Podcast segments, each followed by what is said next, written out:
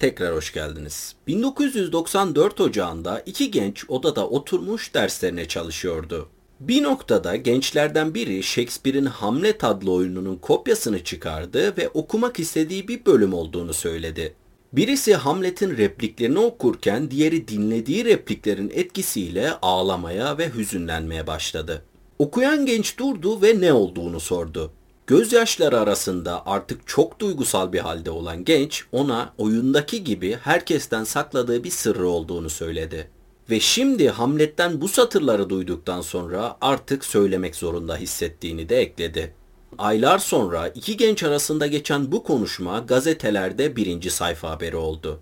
Bu iki genç arasında geçen konuşmanın öncesinde ve sonrasında yaşananların hikayesi. Hazırsak hikayemize başlayalım.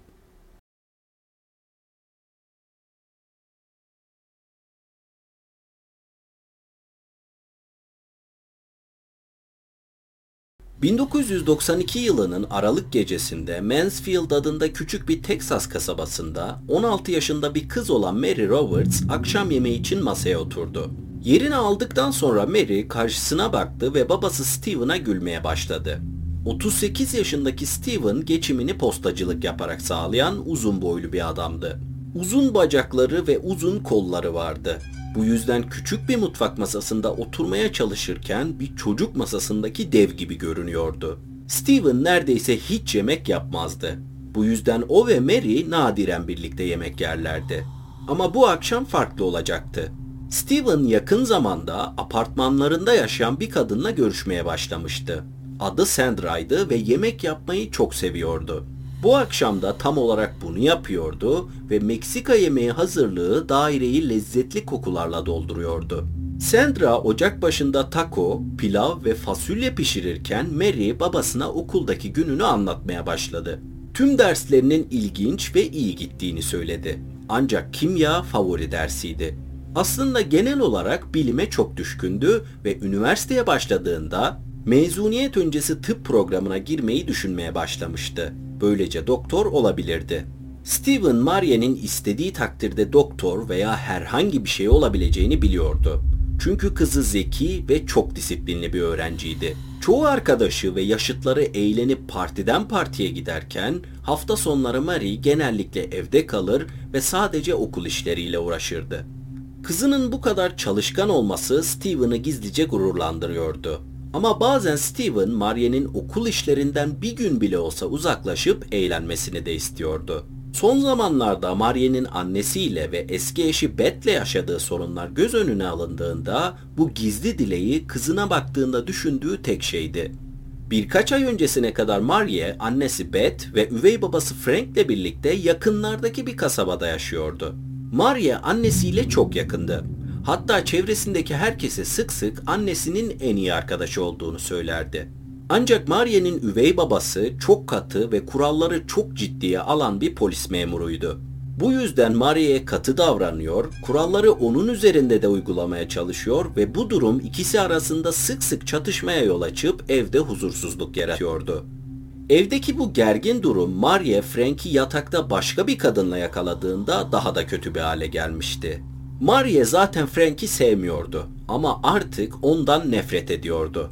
Ancak durumu annesine anlattığında annesi bu haberden yıkılmış olsa da Frank'i terk edemeyeceğini söylüyordu.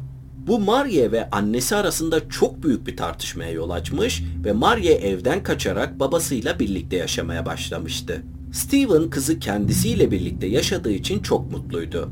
Ancak aynı zamanda bunun mutlu bir düzenleme olmadığını da biliyordu.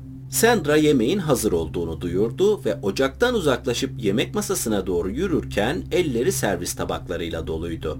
Tam Maria ona yardım etmek için kalktığı sırada oturma odasındaki telefon çaldı. Hepsi kimin gidip açacağını görmek için birbirlerine baktı ve Maria gidip açacağını ve arayan kişiye akşam yemeğinin ortasında olduklarını ve daha sonra geri aramaları gerektiğini söyleyeceğini söyledi. Ancak sadece birkaç dakika sonra Steven ve Sandra telefonu açmaya giden Mary'nin telefondaki kişiyle tartıştığını duydular.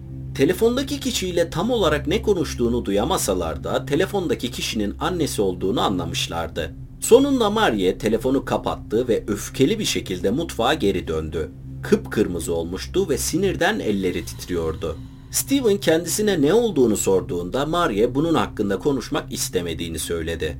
Hızlı bir göz temasından sonra Steven ve Sandra başlarını sallayıp yemek masasına geri döndüler. Marie annesiyle yaşadığı bu telefon konuşmasının ev halkının hafızasından silinip gitmesini dilese de bu mümkün olmadı. Çünkü sonraki birkaç ay boyunca annesiyle telefonda ettiği kavgalar devam etti. Steven ve Sandra her kavgadan sonra ne olduğunu sorsa da Maria konuşmak istemediğini söylüyor ve konuyu kapatıyordu. İkilinin yakın gelecekte bu kavgaların durmasını ummaktan başka bir çaresi yoktu. Ve Şubat 1993'ün ortasında ilk telefon kavgasından yaklaşık 2 ay sonra telefonlar kesildi. Maria artık daha mutlu görünüyor ve normale dönüyor gibi gözüküyordu. Ancak iç dünyasında tamamen farklı şeyler oluyordu. 18 Şubat 1993 gecesi Maria evde yalnız başına oturuyor, ders kitaplarından birini okuyordu. Babası Steven kilisedeydi ve Steven'ın kız arkadaşı Sandra kendi dairesindeydi. Maria sayfaları çevirirken bir şeyin kapıya çarptığını duydu. Kimin veya neyin olduğunu tam olarak bilmiyordu. Belki biri kapıyı çalmıştı ya da belki de birisi geçerken kazara kapıya çarpmıştı bir süre orada oturup bu sesin tekrar edip etmeyeceğini merakla beklemeye başladı. Birkaç saniye sonra aynı sesi tekrar duydu. Mari saate baktı ve babasının yalnızca 45 dakika önce ayrıldığını gördü. Normalde babası saatlerce kilisede kalırdı.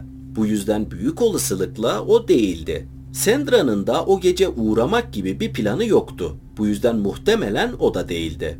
Maria biraz daha bekledi ve kapıdan bir tıklama sesi daha geldi. Maria ayağa kalktı ve kapıdakinin kim olduğunu sordu. Kapıdaki her kimse cevap vermiyordu. Birkaç dakika daha sessizlikten sonra Maria ayağa kalktı ve kapıya doğru yürümeye başladı. Ancak kapıya varamadan ön kapı birden açıldı ve babası yere düştü. Berbat görünüyordu ve dışarıdaki soğuk havaya rağmen ter içinde kalmıştı. Maria paniklemeye başlamıştı. Yanına gidip ne olduğunu sordu ancak babası sadece yatması gerektiğini söyleyebildi. Maria hemen dairelerinden çıkıp koşarak Sandra'nın olduğu daireye gitti ve kapısını çalmaya başladı. Kapıyı açan Sandra daha konuşmaya fırsat bulamadan Maria babasının başına korkunç bir şey geldiğini ve yardıma ihtiyacı olduğunu söyledi. İkili Steven'ın dairesine gittiğinde Steven kanepede yatıyor ve artık söylenenlere tepki vermiyordu. Ayrıca Maria yanından ayrıldığı zamana kıyasla çok daha solgun görünüyordu. Sandra ne olduğunu bilmiyordu. Ancak çok kötü bir şey olduğunu biliyordu. Bu yüzden oturma odasına gitti, telefonu kaldırdı ve 911 arayıp yardım istedi.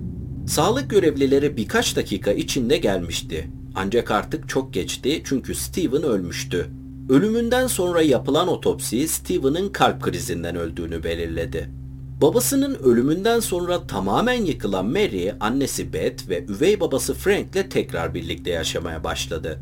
Mary ve annesi artık kavga etmeseler de ilişkileri kesinlikle düzelmemişti. Mary hala Frank'ten nefret ediyordu. Ancak Beth, Mary'e her şeyin bu sefer farklı olacağı konusunda söz verdi ve sözünde durdu. Eskiden de olduğu gibi Mary ile olabildiğince çok vakit geçirmek için çaba sarf etti. Ve bir süre için babasının trajik kaybına rağmen Mary neredeyse mutluydu. Ancak 1993 yazında Steven'ın ölümünden sadece birkaç ay sonra Mary başka bir kadının Frank'e yazdığı bir notu buldu ve bu nota dayanarak Mary için Frank'in annesini aldattığı çok açıktı. Ancak bu notu annesine gösterdiğinde ve Frank'i terk etmesini söylediğinde annesinin cevabı yine aynıydı. Frank'i terk etmeyeceğini söylüyordu.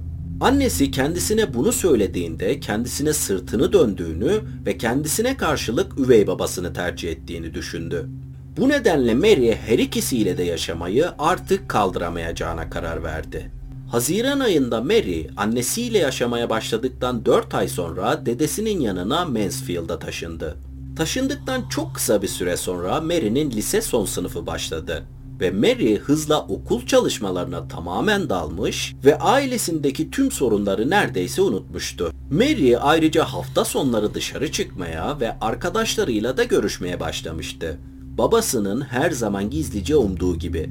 Ancak Mary ne kadar mutlu ve normal görünse de bu doğru değildi. Çünkü Mary'nin bir sırrı vardı ve artık bunu saklamakta zorluk çekiyordu. 1994 yılının Ocak ayında Steven'ın ölümünden neredeyse bir yıl sonra ve Mary dedesiyle yaşamaya başladıktan 6 ay sonra Mary ve bir arkadaşı okuldan sonra Mary'nin dedesinin evine ders çalışmaya gittiler. İki kız Mary'nin odasına girdi, sırt çantalarını çıkarıp yere attı, ceketlerini çıkardı ve ardından birkaç dakika sohbet ettikten sonra artık ders çalışma zamanının geldiğine karar verdiler. Mary ve arkadaşı yere oturdular, sırt çantalarını açtılar ve İngilizce dersinde okudukları Hamlet'in bir kopyasını çıkardılar. Hamlet, William Shakespeare'in en ünlü oyunlarından biridir. Bir Danimarka prensi olan Hamlet'in amcasının babasını öldürüp tahta geçmesini ve sonrasında yaşanan olayları anlatır. Mary ve arkadaşı Hamlet'in hikayesini ve karakterlerini tartıştıktan sonra Mary'nin arkadaşı oyunun en sevdiği bölümünü yüksek sesle okumak istediğini söyledi. Kitabını karıştırdı ve aradığı bölümü bulduktan sonra kitabı yüzüne tutup okumaya başladı. Okuduğu bu bölüm oyun boyunca saklanan bir sırrın ortaya çıktığı bölümdü. Mary arkadaşının bu bölümü okumasını dinlerken birdenbire boşlukta hissetmeye başladı. Ardından duygulandı ve ağlamaya başladı. Okuyan arkadaşı şaşkına dönmüştü. Cümleyi yarıda bıraktı ve Mary'e ne olduğunu sordu. Mary gözyaşlarını sildi ve üzgün bir sesle oyundaki bu karakter gibi kendisinin de bir sırrı olduğunu söyledi. Uzun zamandır sakladığı bu sırrını artık paylaşmak istiyordu. Mary'nin arkadaşı bu açıklamaya şok olmuştu. Ancak kendisine ne olursa olsun güvenebileceğini ve sorunu her neyse çözebileceklerini söyledi. Ancak Mary bu sırrı arkadaşına anlatmaya başladığında arkadaşının yüzü solgunlaştı ve ağzı dehşetle açıldı. Mary'nin sırrı ölen babası ile ilgiliydi ve arkadaşının beklediğinden çok daha büyüktü. Eğer bu doğruysa ve arkadaşı bunu başkalarına anlatırsa ülke çapında manşetlere çıkacak bir hikaye olurdu. Mary'nin arkadaşına anlattığı bu sır hikayesi ve daha sonra Mary ve Steven'ın arkadaşlarıyla ve ailesiyle yapılan görüşmelere dayanarak Steven'ın 1993 yılında apartman dairesinde öldüğü gecede yaşananlar şu şekilde. 18 Şubat 1993'te Steven kiliseye gitmeden yaklaşık bir saat önce bir kurye Steven ve Mary'nin apartman dairesine akşam yemeği için sipariş ettiği Meksika yemeğiyle geldi. Kuryeye ödemesini yaptıktan sonra Steven, Maria'nın yemek yemeye başlaması için yemek kutularını mutfak tezgahına koydu ve kiliseye gitmek için kendi odasına gidip giyinmeye başladı. Giyinip odadan çıktığında bir tabak yemeği hızla bitirdi, Maria'ya bir öpücük kondurdu ve hoşça kal dedi. Ardından evden çıktı. Dışarıda Steven arabasına binip mahalledeki kiliseye kısa bir yolculuk yaptı. Her zaman hafta içi ibadetlerini sabırsızlıkla beklediği için iyi bir ruh hali içindeydi. Pazar günlerine göre daha az kalabalık olduğundan arkadaşlarıyla sohbet edebiliyordu. Steven nihayet kiliseye vardığında arabasından indi ve kilisenin girişine doğru yürümeye başladı. 4 derecenin altında soğuk bir hava olsa da Steven terliyordu. Ancak terini sildi ve üzerine düşünmedi. Ceketini çıkardıktan sonra ön kapıya yakın duran bazı cemaat üyeleriyle sohbet etmeye başladı. Birkaç dakika daha sohbete devam ettikten sonra Steven kilisenin uzun, ahşap sıralarından birine oturdu. Birkaç dakika sonra papaz cemaatin önünde yerini aldı ve başlamaya hazırlanırken Steven'ın görüşü bulanıklaşmaya başladı.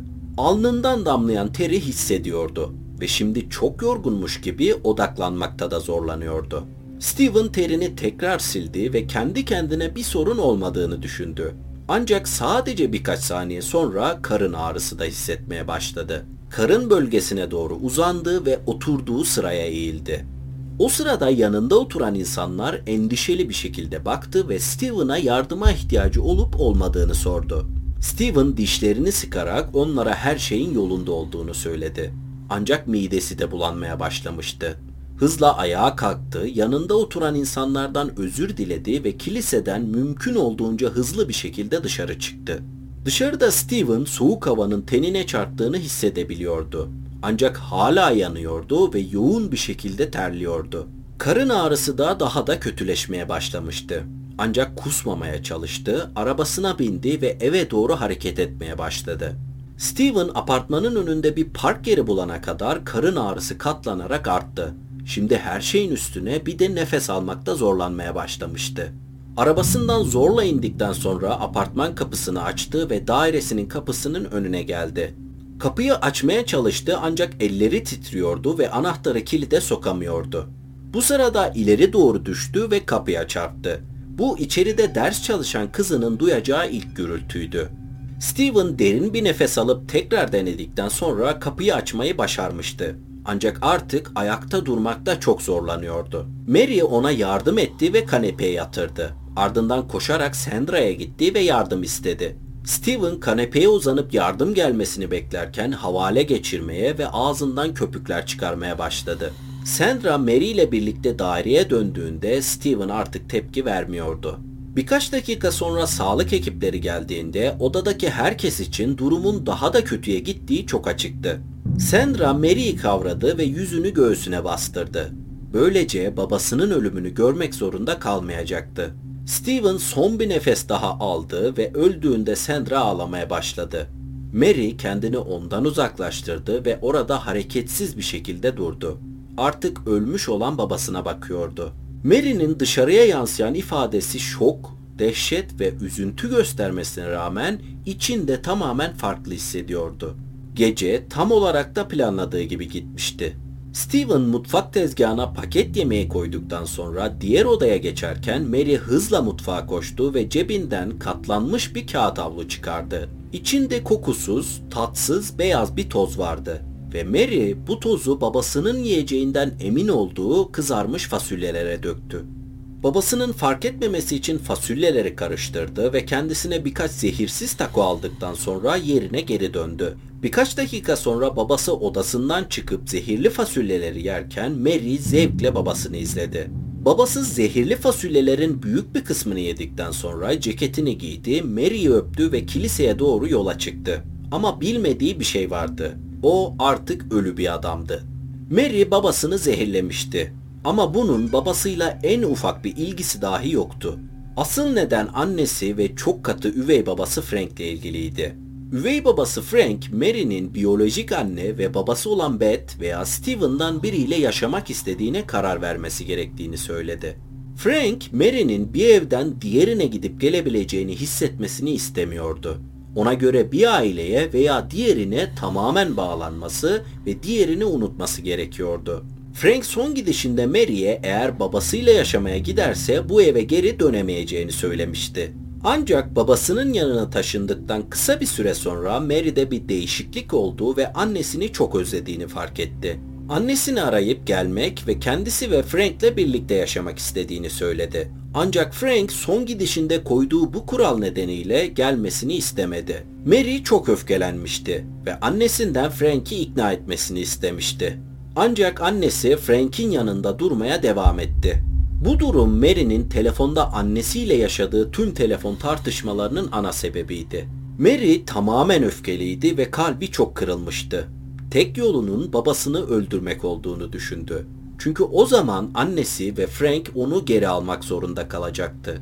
Bu nedenle 18 Şubat 1993 tarihinde Mary babasının fasulyesine insanlar için zehirli olan bir kimyasal olan baryum asetat kattı. Mary bu kimyasalı kimya derslerinde sınıfından çalmıştı. Otopsiyi yapan görevlinin Steven'ın zehirlendiğini fark edememesinin nedeni baryum asetatın tespit edilebilmesi için özel bir testten geçmesi gerektiğiydi. Otopsi görevlisi şüpheli bir durum olmadığı için bu testi yapmamıştı. Mary'nin arkadaşı Mary'nin sırrını birkaç ay boyunca daha sakladı. Bu süre zarfında Mary annesinin yanına geri taşındı. Tekrar Frank'i annesini aldatırken yakalayana kadar annesiyle birlikte kaldı. Mary'nin arkadaşı itiraftan birkaç ay sonra polise gitti ve bildiklerini anlattı. Tutuklanan Mary cinayetten suçlu bulundu ve 28 yıl hapis cezasına çarptırıldı. Ancak 2003 yılında şartlı tahliye edildi ve şu anda farklı bir soyadla Teksas'ta yaşadığına inanılıyor. Vakit ayırıp dinlediğiniz için teşekkür ederim. Aşağıya bırakacağım sosyal medya hesabımdan bana ulaşabilir, hikaye önerebilirsiniz. Kendinize iyi bakmayı ihmal etmeyin. Hoşçakalın.